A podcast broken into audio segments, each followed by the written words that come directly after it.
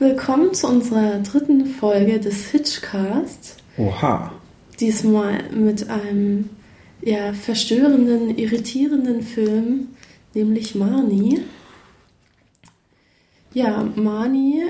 Ähm, Hallo erstmal. ja, hallo. Äh, genau, dritte Folge. Wir sprechen heute über vielleicht einen relativ unpopulären Film. Zumindest umstritten, Sehr umstritten. ja, diskutiert. Ähm, Analysiert. die, die Kritiker sprechen von äh, spannungslosem Geschwätz bis äh, tiefgehend, äh, herausfordernd, psychoanalytisch und ähm, ja, da geht es auseinander.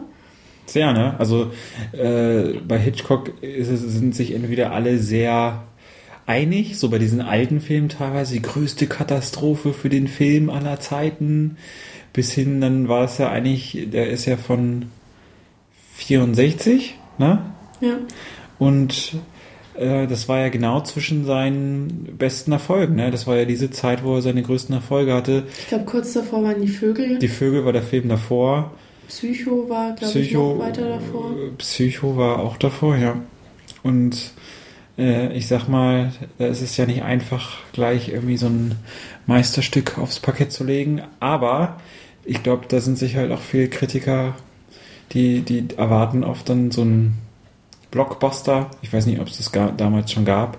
Und bekommen dann so eine äh, vielschichtige, um die Ecke funktionierenden ähm, Psycho, also wir- wirklich Psy Psychofilm, so Auch in Überlänge, also wir kriegen über zwei Stunden. Wahnsinn, ja. Ähm, viel Material, viele Dinge werden aufwendig filmisch vorbereitet, damit die Geschichte so in Gang kommt, damit man alle Hintergründe Ja, versteht. stimmt. Und er wurde auch teilweise für seine, ich sag mal, ein, ein Kritikpunkt, den ich mal gelesen hat, war, da, da ging es darum, dass man, dass er teilweise veraltete Techniken eingesetzt hat. Sowas wie, dass man im Hintergrund halt sieht, dass halt das Schiff nur gemalt ist an der Wand und nicht wirklich existiert oder ähm, sowas halt. Und das hat viele Leute genervt, aber ich denke, Hitchcock bleibt halt Hitchcock und ähm, von der Spannung dieser Film war, ich würde fast sagen, ja, so, ich, ich versuche jetzt einfach mal die Stimmung wiederzugeben, sehr ähm, beängstigend oder bedrückend, sage ich mal. Es war nicht einfach, den zu gucken, wobei bei Psycho hatte ich nicht das Problem. Irgendwie, das fand ich halt relativ geil, so die Einstellung und, und Norman Bates und so. Ich fand, hier gab es auch wieder ähm, schöne Bilder, Ja, auch schöne Farbstimmungen, aber halt äh, durch alles durch kam eben dieses Entsetzen, dieses Traumas, das die Ja. Hauptdarstellerin erlebt hat. Tippi Hedren. Ja, äh, gibt es eine kleine Geschichte dazu, dass alle vermutet haben, dass äh, Audrey Hepburn die Rolle bekommt. Ich glaube, das ne, war, war es nicht Grace Kelly. Ich glaube? Grace Kelly. Es wurde vermutet, dass Grace Kelly wieder ein Comeback macht. Ah ja, richtig, In, Grace Kelly war es, ja. der Audrey Hepburn-Film war, glaube ich, ein anderer, wo es aber auch um eine Vergewaltigung ging. Und das hat sie dann abgesagt. Und ähm, Stimmt, deswegen es war ein anderer Film, vermischt. genau. Weil es ging Weil- auch um eine Vergewaltigungsszene und deswegen wollte Audrey Hepburn, der Film war extra für sie geschrieben und der wurde dann natürlich nicht mehr realisiert. Ach ja, das stimmt. Also es, äh, Grace Kelly sollte da nicht mitspielen, weil sie zu dem Zeitpunkt schon Fürstin von Monaco Genau. war. Und alle haben gedacht, was wäre das für ein geiles Comeback jetzt in die Film, Filmwelt wieder, wenn, äh, äh, wenn sie wiederkommt und jetzt den Film dreht. Aber Und dann wird es äh, quasi verboten oder empfohlen, es nicht zu tun, weil sie da eine Diebin spielen sollte und dass ihre Rolle als Fürstin vielleicht auch mittönt dann. ja, ich meine, die Hauptdarstellerin, äh, werden wir jetzt gleich nochmal, wenn wir drüber sprechen, nochmal ähm, erwähnen, dass ähm, sie nicht gerade ein gutes Bild wiedergibt.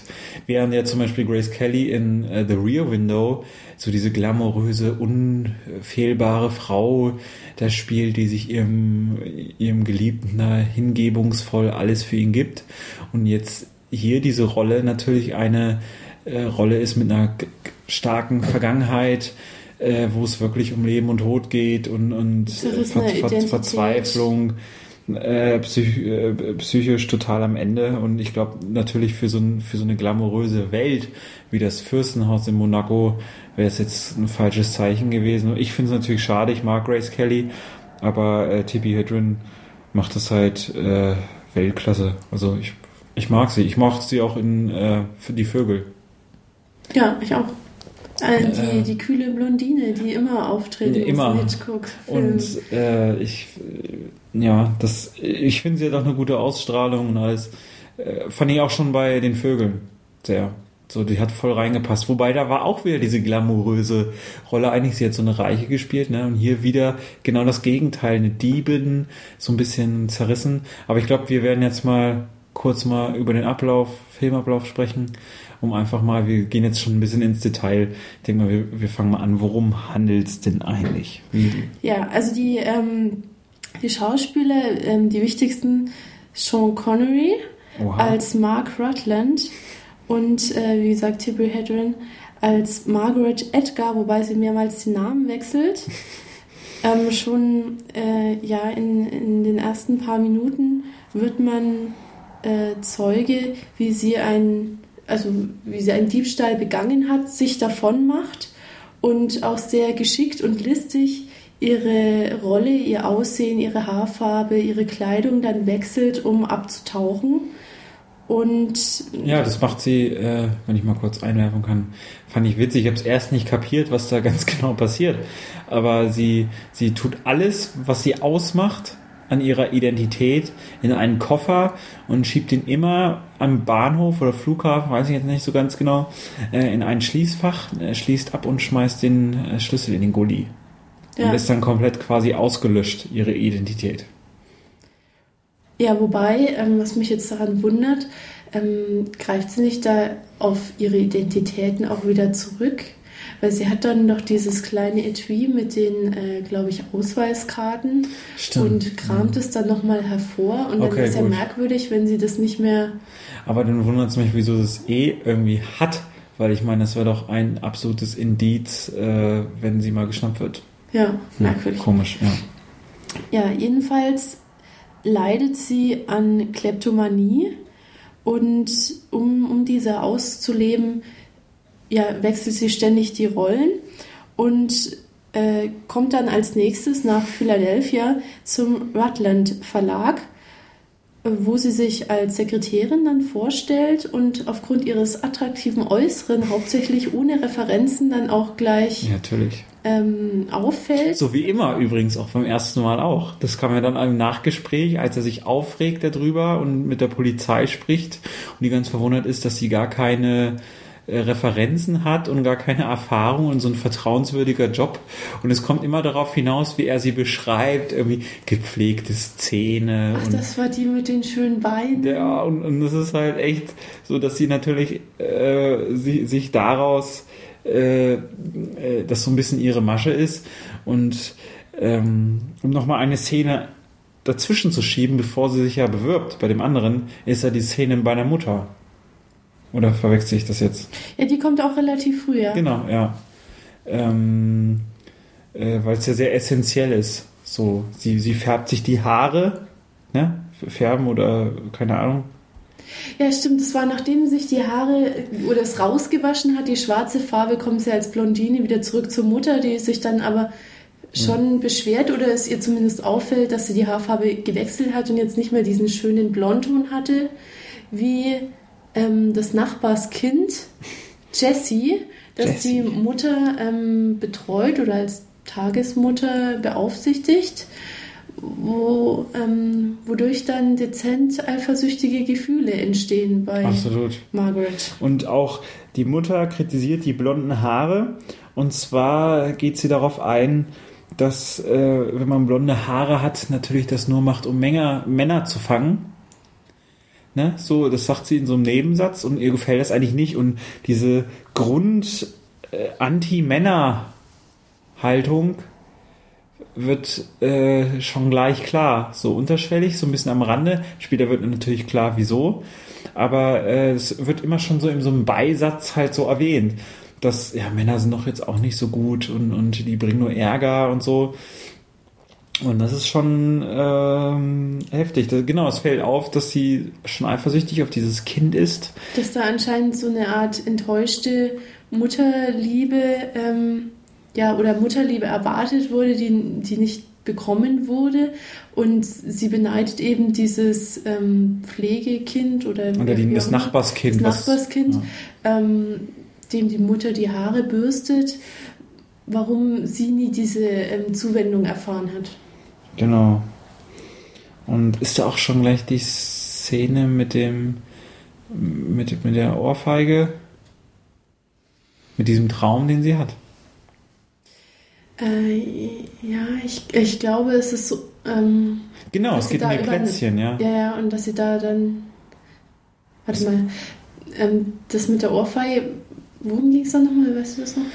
Es ging, äh, es war ein Streit, ja, um diese Eifersucht einfach. Es ging halt, und du machst das nicht, hast das niemals für mich getan und bla, und bis halt die Mutter irgendwie der Bogen überspannt ist und sie ohrfeigt, diese ganzen Plätzchen auf dem Boden fliegen und ja, sie sich dann aber entschuldigt, oh Mutter, das hätte ich jetzt nicht sagen dürfen. Und, ähm, und die Mutter dann auch sagt, jetzt gehst du mal lieber oben schlafen. Und du, man merkt, wie ähm, wie sie, die Mani, halt ähm, immer in so ein Kindmuster hineinfällt und immer wenn sie bei der Mutter ist, quasi spricht und wirkt wie ein Kind. Ja. So. Ja, dieses, diese, in diese ähm, Mama, Mama ja. Sprechrolle ja. einfällt und sich auch so an sie schmiegt und so. Und man merkt halt auch, sie ist dann halt im Bett und verarbeitet irgendeinen Albtraum. Diesen Traum sieht man nicht, also der, der ist nicht dargestellt, sondern nur wie sie auch wieder als Kind spricht und Mama nein und hier. Und man sieht dann die Mutter schemenhaft, wie sie dann in, diese, in, in das dunkle Kinderzimmer kommt, um sie zum Essen zu holen. Und das hat mich schon fast wieder an Psycho so ein bisschen ja, erinnert so, so eine, man sieht halt quasi nur die Umrisse der Frisur, der gebundenen Haare oder so, so, oder die Haare. Und es sah wirklich so aus im Hintergrund nur angestrahlt vom, vom Flurlicht und, und das war schon sehr psychomäßig. Ja, ganz eindrücklich fand ich auch, wie dann dieses äh, düstere Muttermysterium dann die Treppe hinabstöckelt. Ja. Weil sie ähm, man bekommt mit, dass sie eine Verletzung hatte am Bein, auf jeden Fall da Schmerzen hat dann auch so ganz, gehen, ganz stark sich die Treppe hinab ähm, hinabgeht und ähm, es, es, so einen eigenartigen Rhythmus hat, dass es so langsam vor sich geht und es ist wirklich sehr gruselig. Voll. Mit den Schatten an der Wand. Genau, und vor allem, dass diese Runtergehszene erstmal so ganz lange dauert. Man sieht fast komplette Länge der Treppe. Also tick, so ganz langsam geht sie dann und glaubt fast, dass sie ein Holzbein hat oder so. Ja. Ja, und äh, genau. Willst du weiterführen? Das ja, dann kommen wir zurück zu dem Bewerbungsgespräch bei, ähm, bei dem Rutland Verlag. Da ist Mark Rutland anwesend, der Sohn des Chefs, der sie interessanterweise schon bei der früheren Firma, bei der sie gestohlen hat, nämlich ähm, Strut, ähm, gesehen hat. Und er erkennt sie auch wieder, scheint aber aus einem eigenartigen Grund ein gewisses Interesse für sie zu haben oder ihn, ihn reizt es gewissermaßen, sie trotzdem einzustellen, obwohl er von ihrer Nicht-Vertrauenswürdigkeit weiß. Und ähm, ja, dann wird sie eben da Sekretärin, bekommt auch relativ schnell raus, wie man äh, den Schlüssel zum Tresor ja. bekommt? Äh, äh, noch besser, dieser, dieser Leiter, der kann sich die Kombination nicht merken und hat halt einfach in seinem äh, äh Schreibtisch Schublade, die verschlossen ist, halt einfach die Kombination aufgeschrieben und es ist halt viel einfacher natürlich an, die, an, an diesen Schlüssel zu kommen, um die Kombination rauszufinden, als wirklich ne, den Tresor zu knacken. Also leichter geht es quasi nicht. Und dann wird ihr quasi von, ähm, von Mr. Rutland äh, wie eine Gelegenheit auf dem Präsentierteller serviert. Sie soll Überstunden machen am Wochenende, wenn niemand da ist außer er und ähm, einen, einen Text abtippen. Wenn ich mich richtig erinnere, soll es da um seine Tierforschungen gehen, weil Ja, er genau. früher mal Zoologie studiert hat. Ähm, was dem Ganzen dazwischen kommt, ist ein äh, Gewitter, als sie bei ihm im Büro steht und äh, da diese, ja, diese schreckliche Angst in ihr ausbricht und sie nahezu in so eine Schockstarre gerät. Und was ich da auch schon interessant finde, also er, er nutzt es quasi dann gleich aus in ihrer Hilflosigkeit, um, um sie zu küssen. Ja, stimmt. Ja. Und wie man dann nachher feststellen wird, wäre es ja sonst wahrscheinlich nicht zustande gekommen, Nee. weil sie ja diese starke Abneigung Gegen gegen, Männer, also. gegen Berührungen und so weiter hat. Ja. Genau, dann äh, dann ertappt er sie doch äh, dann demnächst auf frischer Tat, als sie dann, also bei einer weiteren Gelegenheit. Ja, erstmal noch gab es da wieder so einen Rotschock. Gleich. Ah ja, nee, der war noch davor. Ja. Der war, glaube ich, noch vor dem Gewitter. War, wie sie gleich am ersten Tag ein Stück rote Tinte auf ihre weiße Bluse bekommt und äh, voll am Ausrasten ist. Und äh, er bekommt das mit und schickt gleich eine, ähm, eine Kollegin rein, die gucken soll, auf was passiert ist. Und da ist eigentlich schon alles wieder so runtergefahren, aber sie gerät voll in Panik, was Hitchcock auch durch so einen Rotfilter da irgendwie so äh, äh, optisch darstellen möchte. Genau. Das durchzieht sich halt auch durch den Film, dass man merkt, irgendwas ist halt mit der Farbe rot. Und vor allem rot auf weiß. Ja. Ähm, ja, jedenfalls ähm, scheint Jean Connery bzw. Mark Rutland ähm, ja ein Fable zu, zu haben für ihre sehr äh, kühle Ausstrahlung und obwohl er also für, für dieses sauber Image, das sie schon hat als, als gepflegte Dame und trotzdem diesen äh, Hang zu Raub und äh, Betrug andererseits und ähm, ja, als sie dann ähm, eben bei nächster Gelegenheit ähm, abends länger im Büro bleibt, um sich auf der Toilette einzusperren und äh, dann schließlich den Safe zu knacken und ähm, dann noch äh, die taube Putzfrau äh, quasi an, an, sich an ihr vorbeischleicht. Ähm, da erwischt er sie dann schließlich. Und ja, wie, wie war das eigentlich? Weißt du das noch? Kam er da hoch und trifft sie an, weil sie, sie kam ja an dieser Putzfrau, kam sie noch vorbei. Ich glaube, er merkt es halt einfach so, dass er halt, ähm, er weiß, er weiß ja, dass sie eine Diebin ist. Ja. Und diese Situation war eigentlich so, ich glaube, war, war das frischer Tab? Nee. Nee, ich Nee, glaube, nee, nee, er das war- sie nachher an. Genau, er, so, er, so von wegen, dass er halt weiß, was da halt passiert. So. Genau. Ähm, jedenfalls erpresst er sie dann quasi und ähm, ja, zwingt sie mehr oder weniger dazu, ihn zu heiraten. Ja, zwingt sie wirklich. Sie hat da überhaupt keinen Bock drauf, ne? Ja. Und rät da auch stark davon ab. Interessanterweise sagt sie dann auch noch, ähm, äh, dass, dass sie ihn nur reizt, weil sie ja wie, wie ein gefangenes Tier auf ihn wirkt und er jetzt da so, so eine merkwürdige Freude daran hat. Sie zu zähmen oder ähm, ja, ich, ich, also das ist, das wollte ich gerade gleich ein.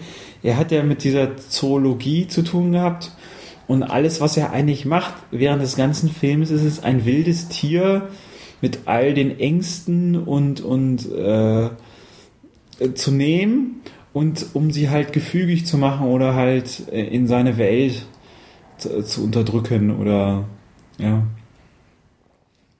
Das ist echt, auch die Szenen, wie die teilweise aufgebaut sind, kann man sich richtig vorstellen, wie sie sich in der Ecke versteckt oder vor ihm. Es kommt einem so vor, als ob das so eine Wildkatze wäre oder die er da versucht zu zähmen. Ja. Ähm, was, die Szene, die wir jetzt, glaube ich, ausgelassen Weil haben, die war auf dem auf der äh, Rennbahn. genau. Ja, genau. Wo auch jemand sie erkennt unter anderem Namen und auf sie zukommt und sagt, ach, hallo. Und äh, äh, sie die ganze Zeit versucht, ja, aber äh, ich bin das doch gar nicht und sie verwechseln mich und ich weiß gar nicht, wovon sie reden. Ja, und da kommt auch ähm, eben raus, dass so eine, so eine besondere Liebe ähm, zu Pferden hat. Ja, stimmt. Dann auch ähm, ihm Empfehlungen gibt, auf welches Pferd er denn setzen soll. Wobei sie dann äh, von, von der einen Empfehlung wieder ähm, abweicht, weil der Jockey ein rotes Hemd anhat. Also es tritt immer wieder auf, dass die Farbe Rot ähm, das Negatives ist bedeutet. eher- oder weil sie sogar in Angstzustände genau, versetzt. sie schockt in, in, in irgendeiner Art. Und genau, diese, diese Tierliebe, also besonders eben Pferde, das wird dann später nochmal wichtig. Also es, da hatte ich auch schon ein bisschen das Gefühl, so eine vorbereitende Szene, um das nachher dann zu erklären, wie, wie Dinge so vor sich gehen. Ja, jedenfalls äh, wird sie dann bei ihm zu Hause auch vorgestellt. Und seinem Vater, ne? äh, ja, dem äh, sichtbar reichen Vater und dann auch der Schwester seiner verstorbenen Ex-Frau, nämlich Lil. Und man bekommt auch gleich mit, dass sie eigentlich ein Auge auf ihn geworfen hat und äh, eigentlich auf ihn so wartet, also erwartet hat, dass er, er sie heiraten würde oder ihr Avancen macht. Ähm, ja, und die. Eigentlich die normalste in dieser ganzen. Ja, aber auch ein bisschen so durchtrieben. Aber auf eine sehr charmante Art und Weise. Ich, da wusste ich, wusste ich halt überhaupt nicht, meint sie das jetzt böse oder sie macht ab und zu mal so einen Spruch halt irgendwie jetzt darüber, dass der Verlobungsring ja irgendwie doch mehr Karat hatte und wie viel der jetzt gekostet hatte und äh, aber auf so eine sehr charmante Art und Weise, dass sie das gar nicht deuten könnte, ob das ja, aber jetzt ihr so. gegenüber ist ja schon gewissermaßen bösartig. Eher ihr. Nee, Lil ähm, Mani gegenüber, also Margaret. Ach so, ja, aber vor allem ist der Mark ihr gegenüber sehr böse und behandelt sie sehr schlecht, finde ich. ja. Sie kommt immer so an und ist dann immer so sehr, ach ja. Ja. Und er macht dann immer so Sprüche und macht sie halt runter. Ähm, jedenfalls, die, äh, diese Schwester Lil bekommt dann äh, mit, dass äh, Mark aus irgendeinem Grund bei dieser alten Firma Strutt, die auch Kunde ist von, Rutland, von dem Rutland Verlag, ähm, 10.000 Dollar ersetzt hat und äh, dass aus irgendeinem Grund Mani auch ins Gefängnis kommen könnte. Äh, jedenfalls äh, sind die aber rela relativ schnell ähm, dann erstmal auf Hochzeitsreise auf äh, hoher See äh, für viel teuer Geld und er erhofft sich davon wahrscheinlich äh, romantische Stunden zu zweit, wird dann aber sehr eiskalt zurückgewiesen Ja. mehrmals und sie äh, lässt ihm da keine Illusion darüber, dass sie absolut nicht an ihm interessiert ist, auch an keinem Schäferstündchen und zieht sich ähm, permanent vor ihm zurück. Genau, schließlich in, äh, sch- schließlich, äh, schließt sich in, ins Bad ein für mehrere Stunden oder ähm, am Anfang denkt man sogar, er akzeptiert ne? weil er dann so auf sie zugeht. Also er wirkt relativ geduldig noch Genau. am Anfang. Und, freundlich äh, oder ähm, ein bisschen und sagt, ja, jetzt, jetzt äh, schläfst du hier äh, in dem Zimmer und nicht in dem anderen und noch mit so einem ironischen Spruch dazu und am Anfang geht das halt und dann kommt halt eine Szene, Eine sehr pikante Szene. ja, das äh, ähm, es, es gibt eine Vergewaltigungsszene, die natürlich jetzt nicht so dargestellt ist, aber man weiß natürlich genau, was passiert. Er reißt hier quasi so die Kleider vom Leib und tut so, als ob das irgendwie jetzt gerade ein Versehen war. Nee, nee, also will Nee? ich nicht sagen. Nee? Also die, ähm, ich finde schon, dass da ganz deutlich, also Das ist, dass das auch so eingeleitet wurde, weil sie sagt ja eigentlich sehr bestimmt, also ich möchte jetzt ins Bett gehen und mach doch mal hier das Licht aus oder die Tür zu und so weiter. Und dann äh, kontert er gleich, äh, ja, also ich möchte jetzt auch gern ins Bett gehen.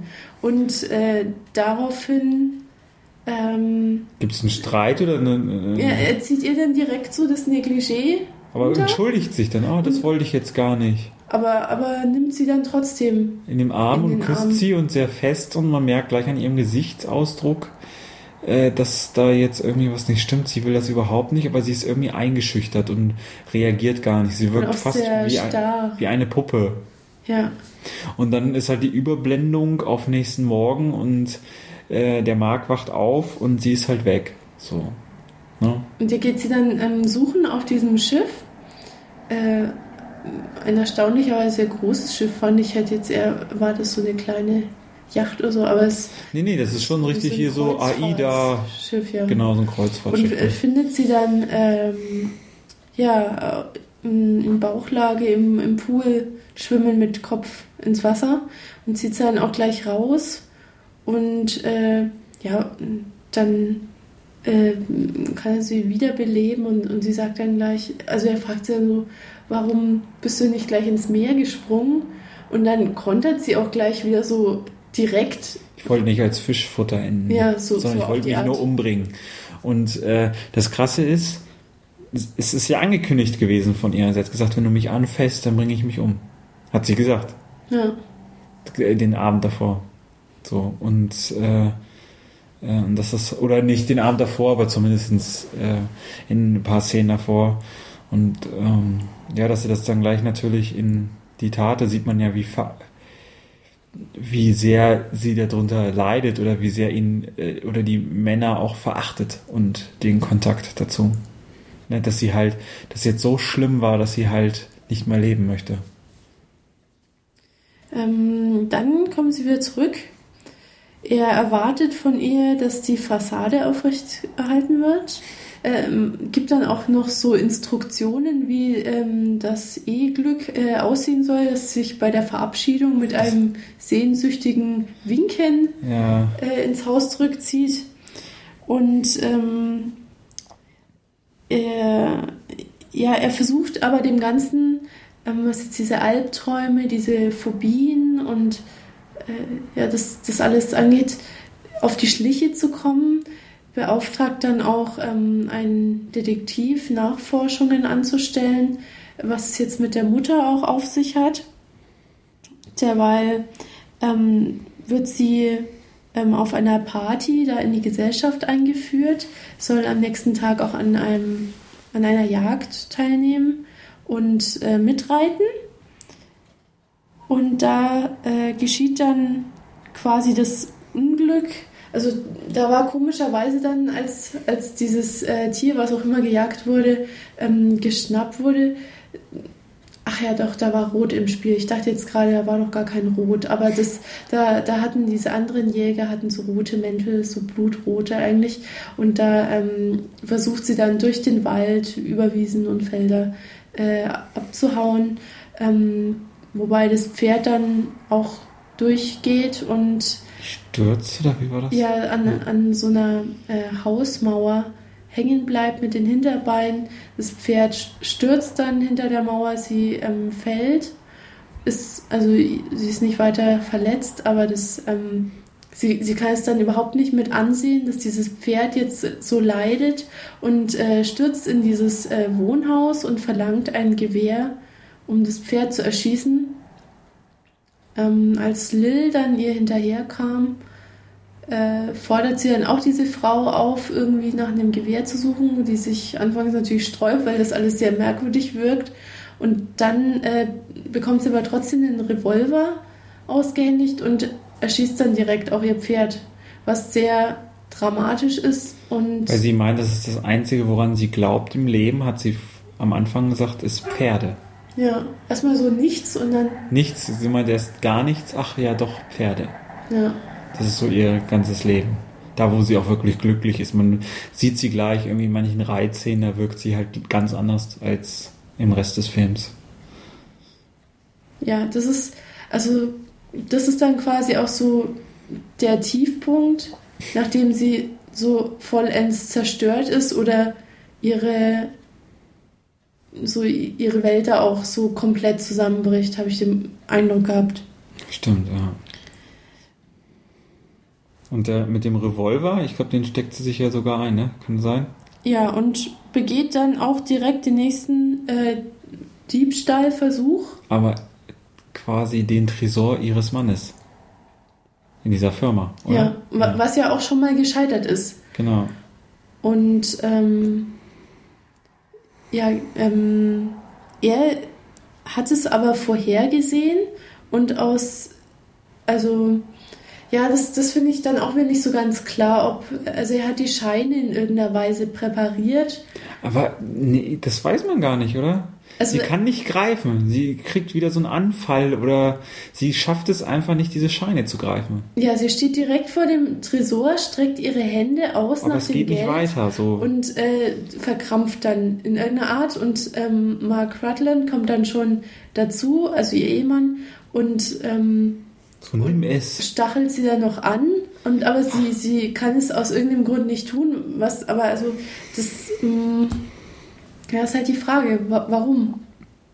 Und äh, dann geht es relativ flott weiter. Ne? Sie, äh, es, äh, er sieht dann schon irgendwie ihrer, ihre Art äh, begründet aus irgendwas, was mit ihrer Mutter war. Oder in Kindheit. Oder war jetzt noch was dazwischen? Ja, sie versucht noch zu flüchten, aber er, er ist ja Schnappt sie. quasi schon äh, äh, ja, zur Stelle. Und dann geht es eigentlich, Gleich zum die zu der Mutter. genau, nach. In diese Hafenstraße. Ja. Und ähm, äh, er versucht dann ähm, die Mutter zur Rede zu stellen, was denn jetzt wirklich passiert sei. Ne? Oder wieso sie so ist, wie sie ist. Genau. Was, ja, was, was ich jetzt gerade ganz schade finde, wir haben jetzt so eine Szene, ähm, haben wir irgendwo ausgelassen. Ich glaube, das kommt noch ähm, irgendwo zwischen Party und dieser Jagdszene. Da hat sie nochmal in ihrem Ehebett dann so einen Albtraum gehabt und wacht dann vollkommen verstört auf. Und äh, er versucht dann so eine Art Psychoanalyse. Also er fordert sie dazu auf, sich da ganz genau hineinzuversetzen, so was ist da eigentlich passiert, was bedeutet das und das, ähm, gibt es dazu irgendwelche Ereignisse im wirklichen Leben und es ist wirklich wie so ein ähm, Therapeut, ähm, spricht er da zu ihr und versucht da diese, diese Geheimnisse um dieses Rot, Gewitter, Klopfen Ja. und so weiter aufzudecken. Und ähm, sie kontert dann so auf die Art äh, auch sehr, sehr deutlich, dass mit ihm ja auch was nicht zu stimmen scheint. Warum? Also, da er ja offensichtlich sie liebt, weil sie eine Diebin ist. Das, also, weil Ja. sein sexuelles Interesse ja auch sich darauf, merkwürdig. darauf äh, bezieht, Ja. sie gefügig zu machen oder sie zu dressieren oder einzugliedern. Oder Wie, wie man halt so ein Tier halt versucht äh, aus der Wildnis irgendwie einzugliedern, ne? So, ja. Genau, aber dann sind wir auch direkt bei den äh, Kindheitserlebnissen im Haus der Mutter und er konfrontiert sie dann eben damit, äh, was damals äh, geschehen ist und also soweit er es eben herausfinden konnte durch den Detektiv, ist es nämlich äh, ein Mord passiert. Damals, als die Mutter Bernice noch als ähm, Prostituierte gearbeitet hat, wie, wie man dann rausfindet, äh, eben für die, für die Matrosen, die da an Land Im gehen. Hafen, ja, das ist, sie wohnt ja da auch an diesem Hafen, ne? Genau. Und dann, ähm, ja, äh, es Es ist. kommt zu einem Gewitter, glaube ich. Es ist ein Gewitter, ne? Ja, genau. Und äh, äh, die wollen gerade ins Schlafzimmer verschwinden. Und ähm, die kleine Mani fängt an zu weinen, weil sie halt Angst vor dem Gewitter hat. Ach so, du, ah ja, ich dachte, du redest jetzt von der Situation, in der die drüber sprechen. Da ist nämlich auch ein Gewitter. Und dann Stimmt, der- überlagert sich das so merkwürdig. Die Geschichte von damals mit der Geschichte äh, von dem der Gegenwart. Genau, und dann hat sie wie so eine Art Flashback und verfällt dann auch wieder in, dieses, in diese kindliche Stimme und heulen Stimmt, und ja. äh, Mama, ich, ich habe Angst und, und weil er da auch so ja sehr psychoanalytisch da immer so nachbohrt, äh, kommt es dann wie zu so einem Flashback ja. und genau, und dann sind wir da, wo du jetzt eingesetzt hast. Ja, genau. Und ähm, ist der Film dann sogar, glaube ich, schwarz-weiß? Ja, So ganz witzig, wie so eine Theaterbühne fast ist, ist die Szene. So wirklich, so dass man alles sieht, so äh, die, die, die, die, die, das Zimmer. So. Und ähm, ähm, das Mädchen, das Mädchen, die kleine Mani fängt halt an zu weinen und dann kommt halt dieser. Ungefähr fünf Jahre alt. Äh, ja, kommt halt dieser Matrose, wutentbrannt halt raus und schreit sie an oder. Nee, nee, nee, nee. Das, Nee? Äh, sie hat Angst vor dem Gewitter Ja, und er kommt raus, weil sie weint. Ähm, sie, anscheinend hatten die da irgendwie nur ein Bett und sie muss irgendwie im Flur schlafen, weil die Mutter da irgendwie Schäferstündchenmäßig da zugange ist. Und dann weint sie wegen dem Gewitter und dadurch kommt der Freier, sag ich mal, raus, um sie zu trösten. Aber ekelhafterweise fängt er dann halt an, sie so zu küssen. Und äh, die Mutter findet das gar nicht gut. ja, was kann man sagen? Ja. Ähm, Ist nie, ich finde es überhaupt nicht gut. und will ihn dann, Auffallen oder ihn, ihn wegzehren vom Kind genau, und bricht dann auch irgendwie da so zusammen. Hat sie dann eigentlich schon diesen Schür? ja, ich glaube, sie, sie schlägt ihn auch irgendwo. Aber, ähm, Die liegen dann am Boden. und, und jedenfalls hat die Kleine dann so Angst, dass ihre Mama jetzt da verletzt wird, ähm, dass sie selber zu diesem Schürhaken aus Eisen greift und dann auf den Kopf des Mannes einschlägt und dann natürlich das ganze Blut auf seinen weißen Matrosenanzug kommt und äh, schließlich sich die ganze Szene rot färbt, wie auch schon früher im Film in diesen, wenn was Rotes aufgetaucht ist, gab es dann gleich so eine komplette Überblendung in Rot des, des, des ganzen Ausschnitts. Und ja, und, und dann versteht man eben, Ja, warum das so passiert ist und dass die Mutter eben auch dachte, sie, sie würde sich da nicht dran erinnern. Und äh, Es wurde komplett verdrängt. genau, und hat sich dann eben in diesem, in diesem Trauma eigentlich ausgeartet, wo, wobei dann auch noch so eine Interpretation von Mark Rutland kam, von wegen, ach ja, und Kleptomanie dann deswegen, weil dir deine Mutter keine Liebe gegeben hat und deswegen nimmst du dir alles, was du kriegen kannst, um Ja. Dein Bedürfnis zu stillen. Das fand ich dann schon ein bisschen so sehr irgendwie mit der Faust aufs Auge.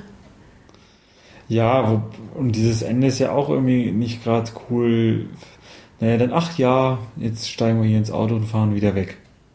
Ja, das, also, Ja, und dann ist der Film zu Ende. ja, so auf die Art, ähm, ja, bevor ich jetzt zur Polizei gehe oder so, bleibe ich doch lieber bei dir, Marc, und es, es löst sich aber auch nicht auf. Also ich, Was jetzt weiter passiert. Ne? und ich dachte auch, vielleicht gibt es am Schluss noch so eine, eine Aussicht darauf, dass sich ihre Frigidität irgendwie Jetzt gelöst hat. Ja, und das passiert aber auch nicht. Also sie sind eigentlich sehr, sehr zer also sie auf jeden Fall weiterhin sehr zerbrochen und fügt sich dann eigentlich immer noch in diese Ehesituation dann ein. Weil man halt echt nicht weiß, was passiert. Ne? Ich, äh, es ist halt auch kein schönes Ende. Es ist dann halt so, vor allem weil dieser Mark halt auch alles andere ist als jemand, wo man das Gefühl hat, dass er ihr helfen möchte, als dass er sie mehr äh, äh, halt dressieren möchte. Ne? Sie an sich reißen möchte. Und man nicht das Gefühl hat, als ob sie da jetzt gut aufgehoben ist. Ne, Ich meine, Ja, es ist ja auch, weil er, ähm, weil er diesen Spleen oder Fetisch irgendwie hat, ist es ja auch schon so, dass er sie tendenziell immer zum Objekt macht. Ja. Und das ist dann halt sehr ambivalent, alles, was er für sie tut, ähm, eigentlich immer zu seinen Interessen gewidmet ist. Das, ähm, was ich interessant war, ich glaube, das ist ja der einzige Film mit Sean Connery und Hitchcock. Wenn ich jetzt nicht ganz falsch liege. Oh, das weiß ich nicht. Ja, äh, und äh, was ich halt, ich finde halt, Sean Connery ist ja dafür bekannt, dass er äh, öffentlich auch zugibt, dass ihm mal bei einer Frau auch mal die Hand ausrutscht und dass er das ganz normal findet. Äh, finde ich, hat das so einen ganz komischen Beigeschmack, jetzt diesen Film halt zu sehen, wie er so die Frau so unter Druck setzt Und auch manipuliert und und, manipuliert und am Ende auch vergewaltigt als maximale Unterdrückung, die man halt jemanden antun kann. Ähm, hat das so einen komischen, weil ich konnte mir, ich, also äh, absoluter Un, äh, Unsympath einfach. Also ich fand ihn zu keiner Stelle des Films irgendwie äh, so, so Cary Grant mäßig oder irgendwie jemand, der halt so eine große Ausstrahlung hat, wo man selbst irgendwie denkt, der der Anti-Held oder was weiß ich.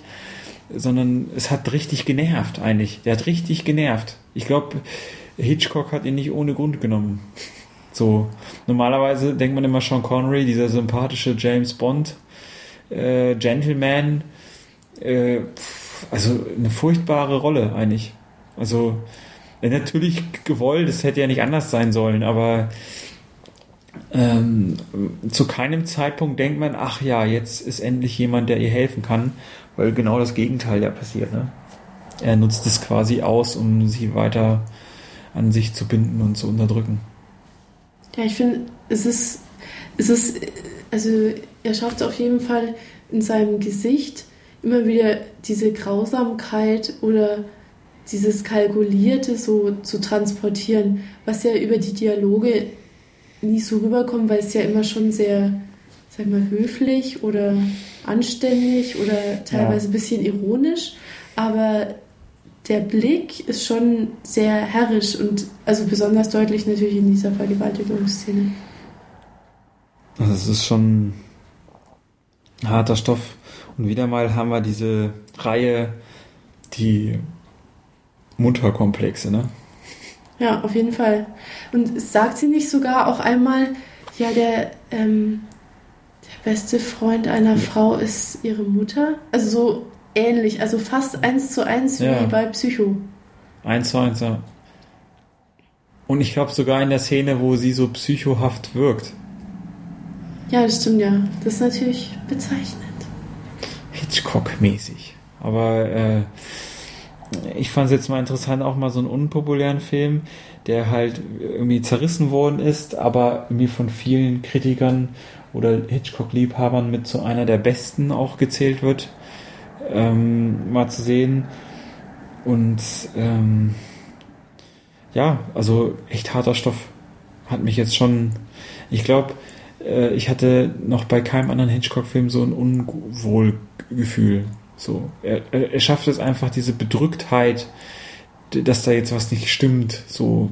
Und auch gerade diese, äh, was in so einer Ehe passiert oder diese Unterdrückung der Frau so darzustellen und das ist schon Hardcore. Also das ist ja auch immer diese ähm, Bilder, die, die sind ja meist gar nicht äh, wirklich gewalttätig oder wirklich grausam, aber ja, wie du sagst, immer, dass dieses dunkle so mitschwingt, das ähm, besetzt eigentlich so den ganzen Film. Ja. Das ging mir auch so. Also äh, war jetzt einer der härtesten Hitchcock-Filme, die ich gesehen habe bis jetzt. Ich glaube, gerade weil ich bin halt jemand, der zum Beispiel auch Vergewaltigungsszenen, auch wenn man nicht sieht, alleine, dass sie da sind, mich in Filmen bis heute sehr verstört und ähm, ich das überhaupt nicht ertrage eigentlich. Also es ist, ich finde, es gibt nichts Schlimmeres als Vergewaltigungsszenen. dann gibt es natürlich jetzt die angedeuteten, bis hin irgendwie jetzt in modernen Filmen, wo das fast zelebriert wird. Ähm, also es ist schon der maximale Unwohlfaktor, den man irgendwie so im Film mitgeben kann, wo man immer so kurz vorm Kotzen ist einfach. Und vor allem, weil es ja eben auch jetzt nicht dieses Happy End hat, sondern ja, man weiß ja nicht, was dass passiert. es quasi weitergeht. Oder Bringt so. sie sich jetzt um? Wird sie weiter vergewaltigt? Das weiß halt keiner so. Und das ist schon echt fast ein offenes Ende. Es wird zwar aufgeklärt, wo ihre, ähm, ihre, ihre Phobien herkommen. Ist das eine Phobie? Keine Ahnung, aber auf jeden Fall ihre Reaktionen. Aber es gibt halt keinen Ausweg. So, man sieht halt keinen Ausweg, was das jetzt besser machen könnte. So, es endet, in, wie sie wirklich aus dem Haus der Mutter gehen und ins Auto einsteigen und wegfahren. Und so das ist der Film zu Ende.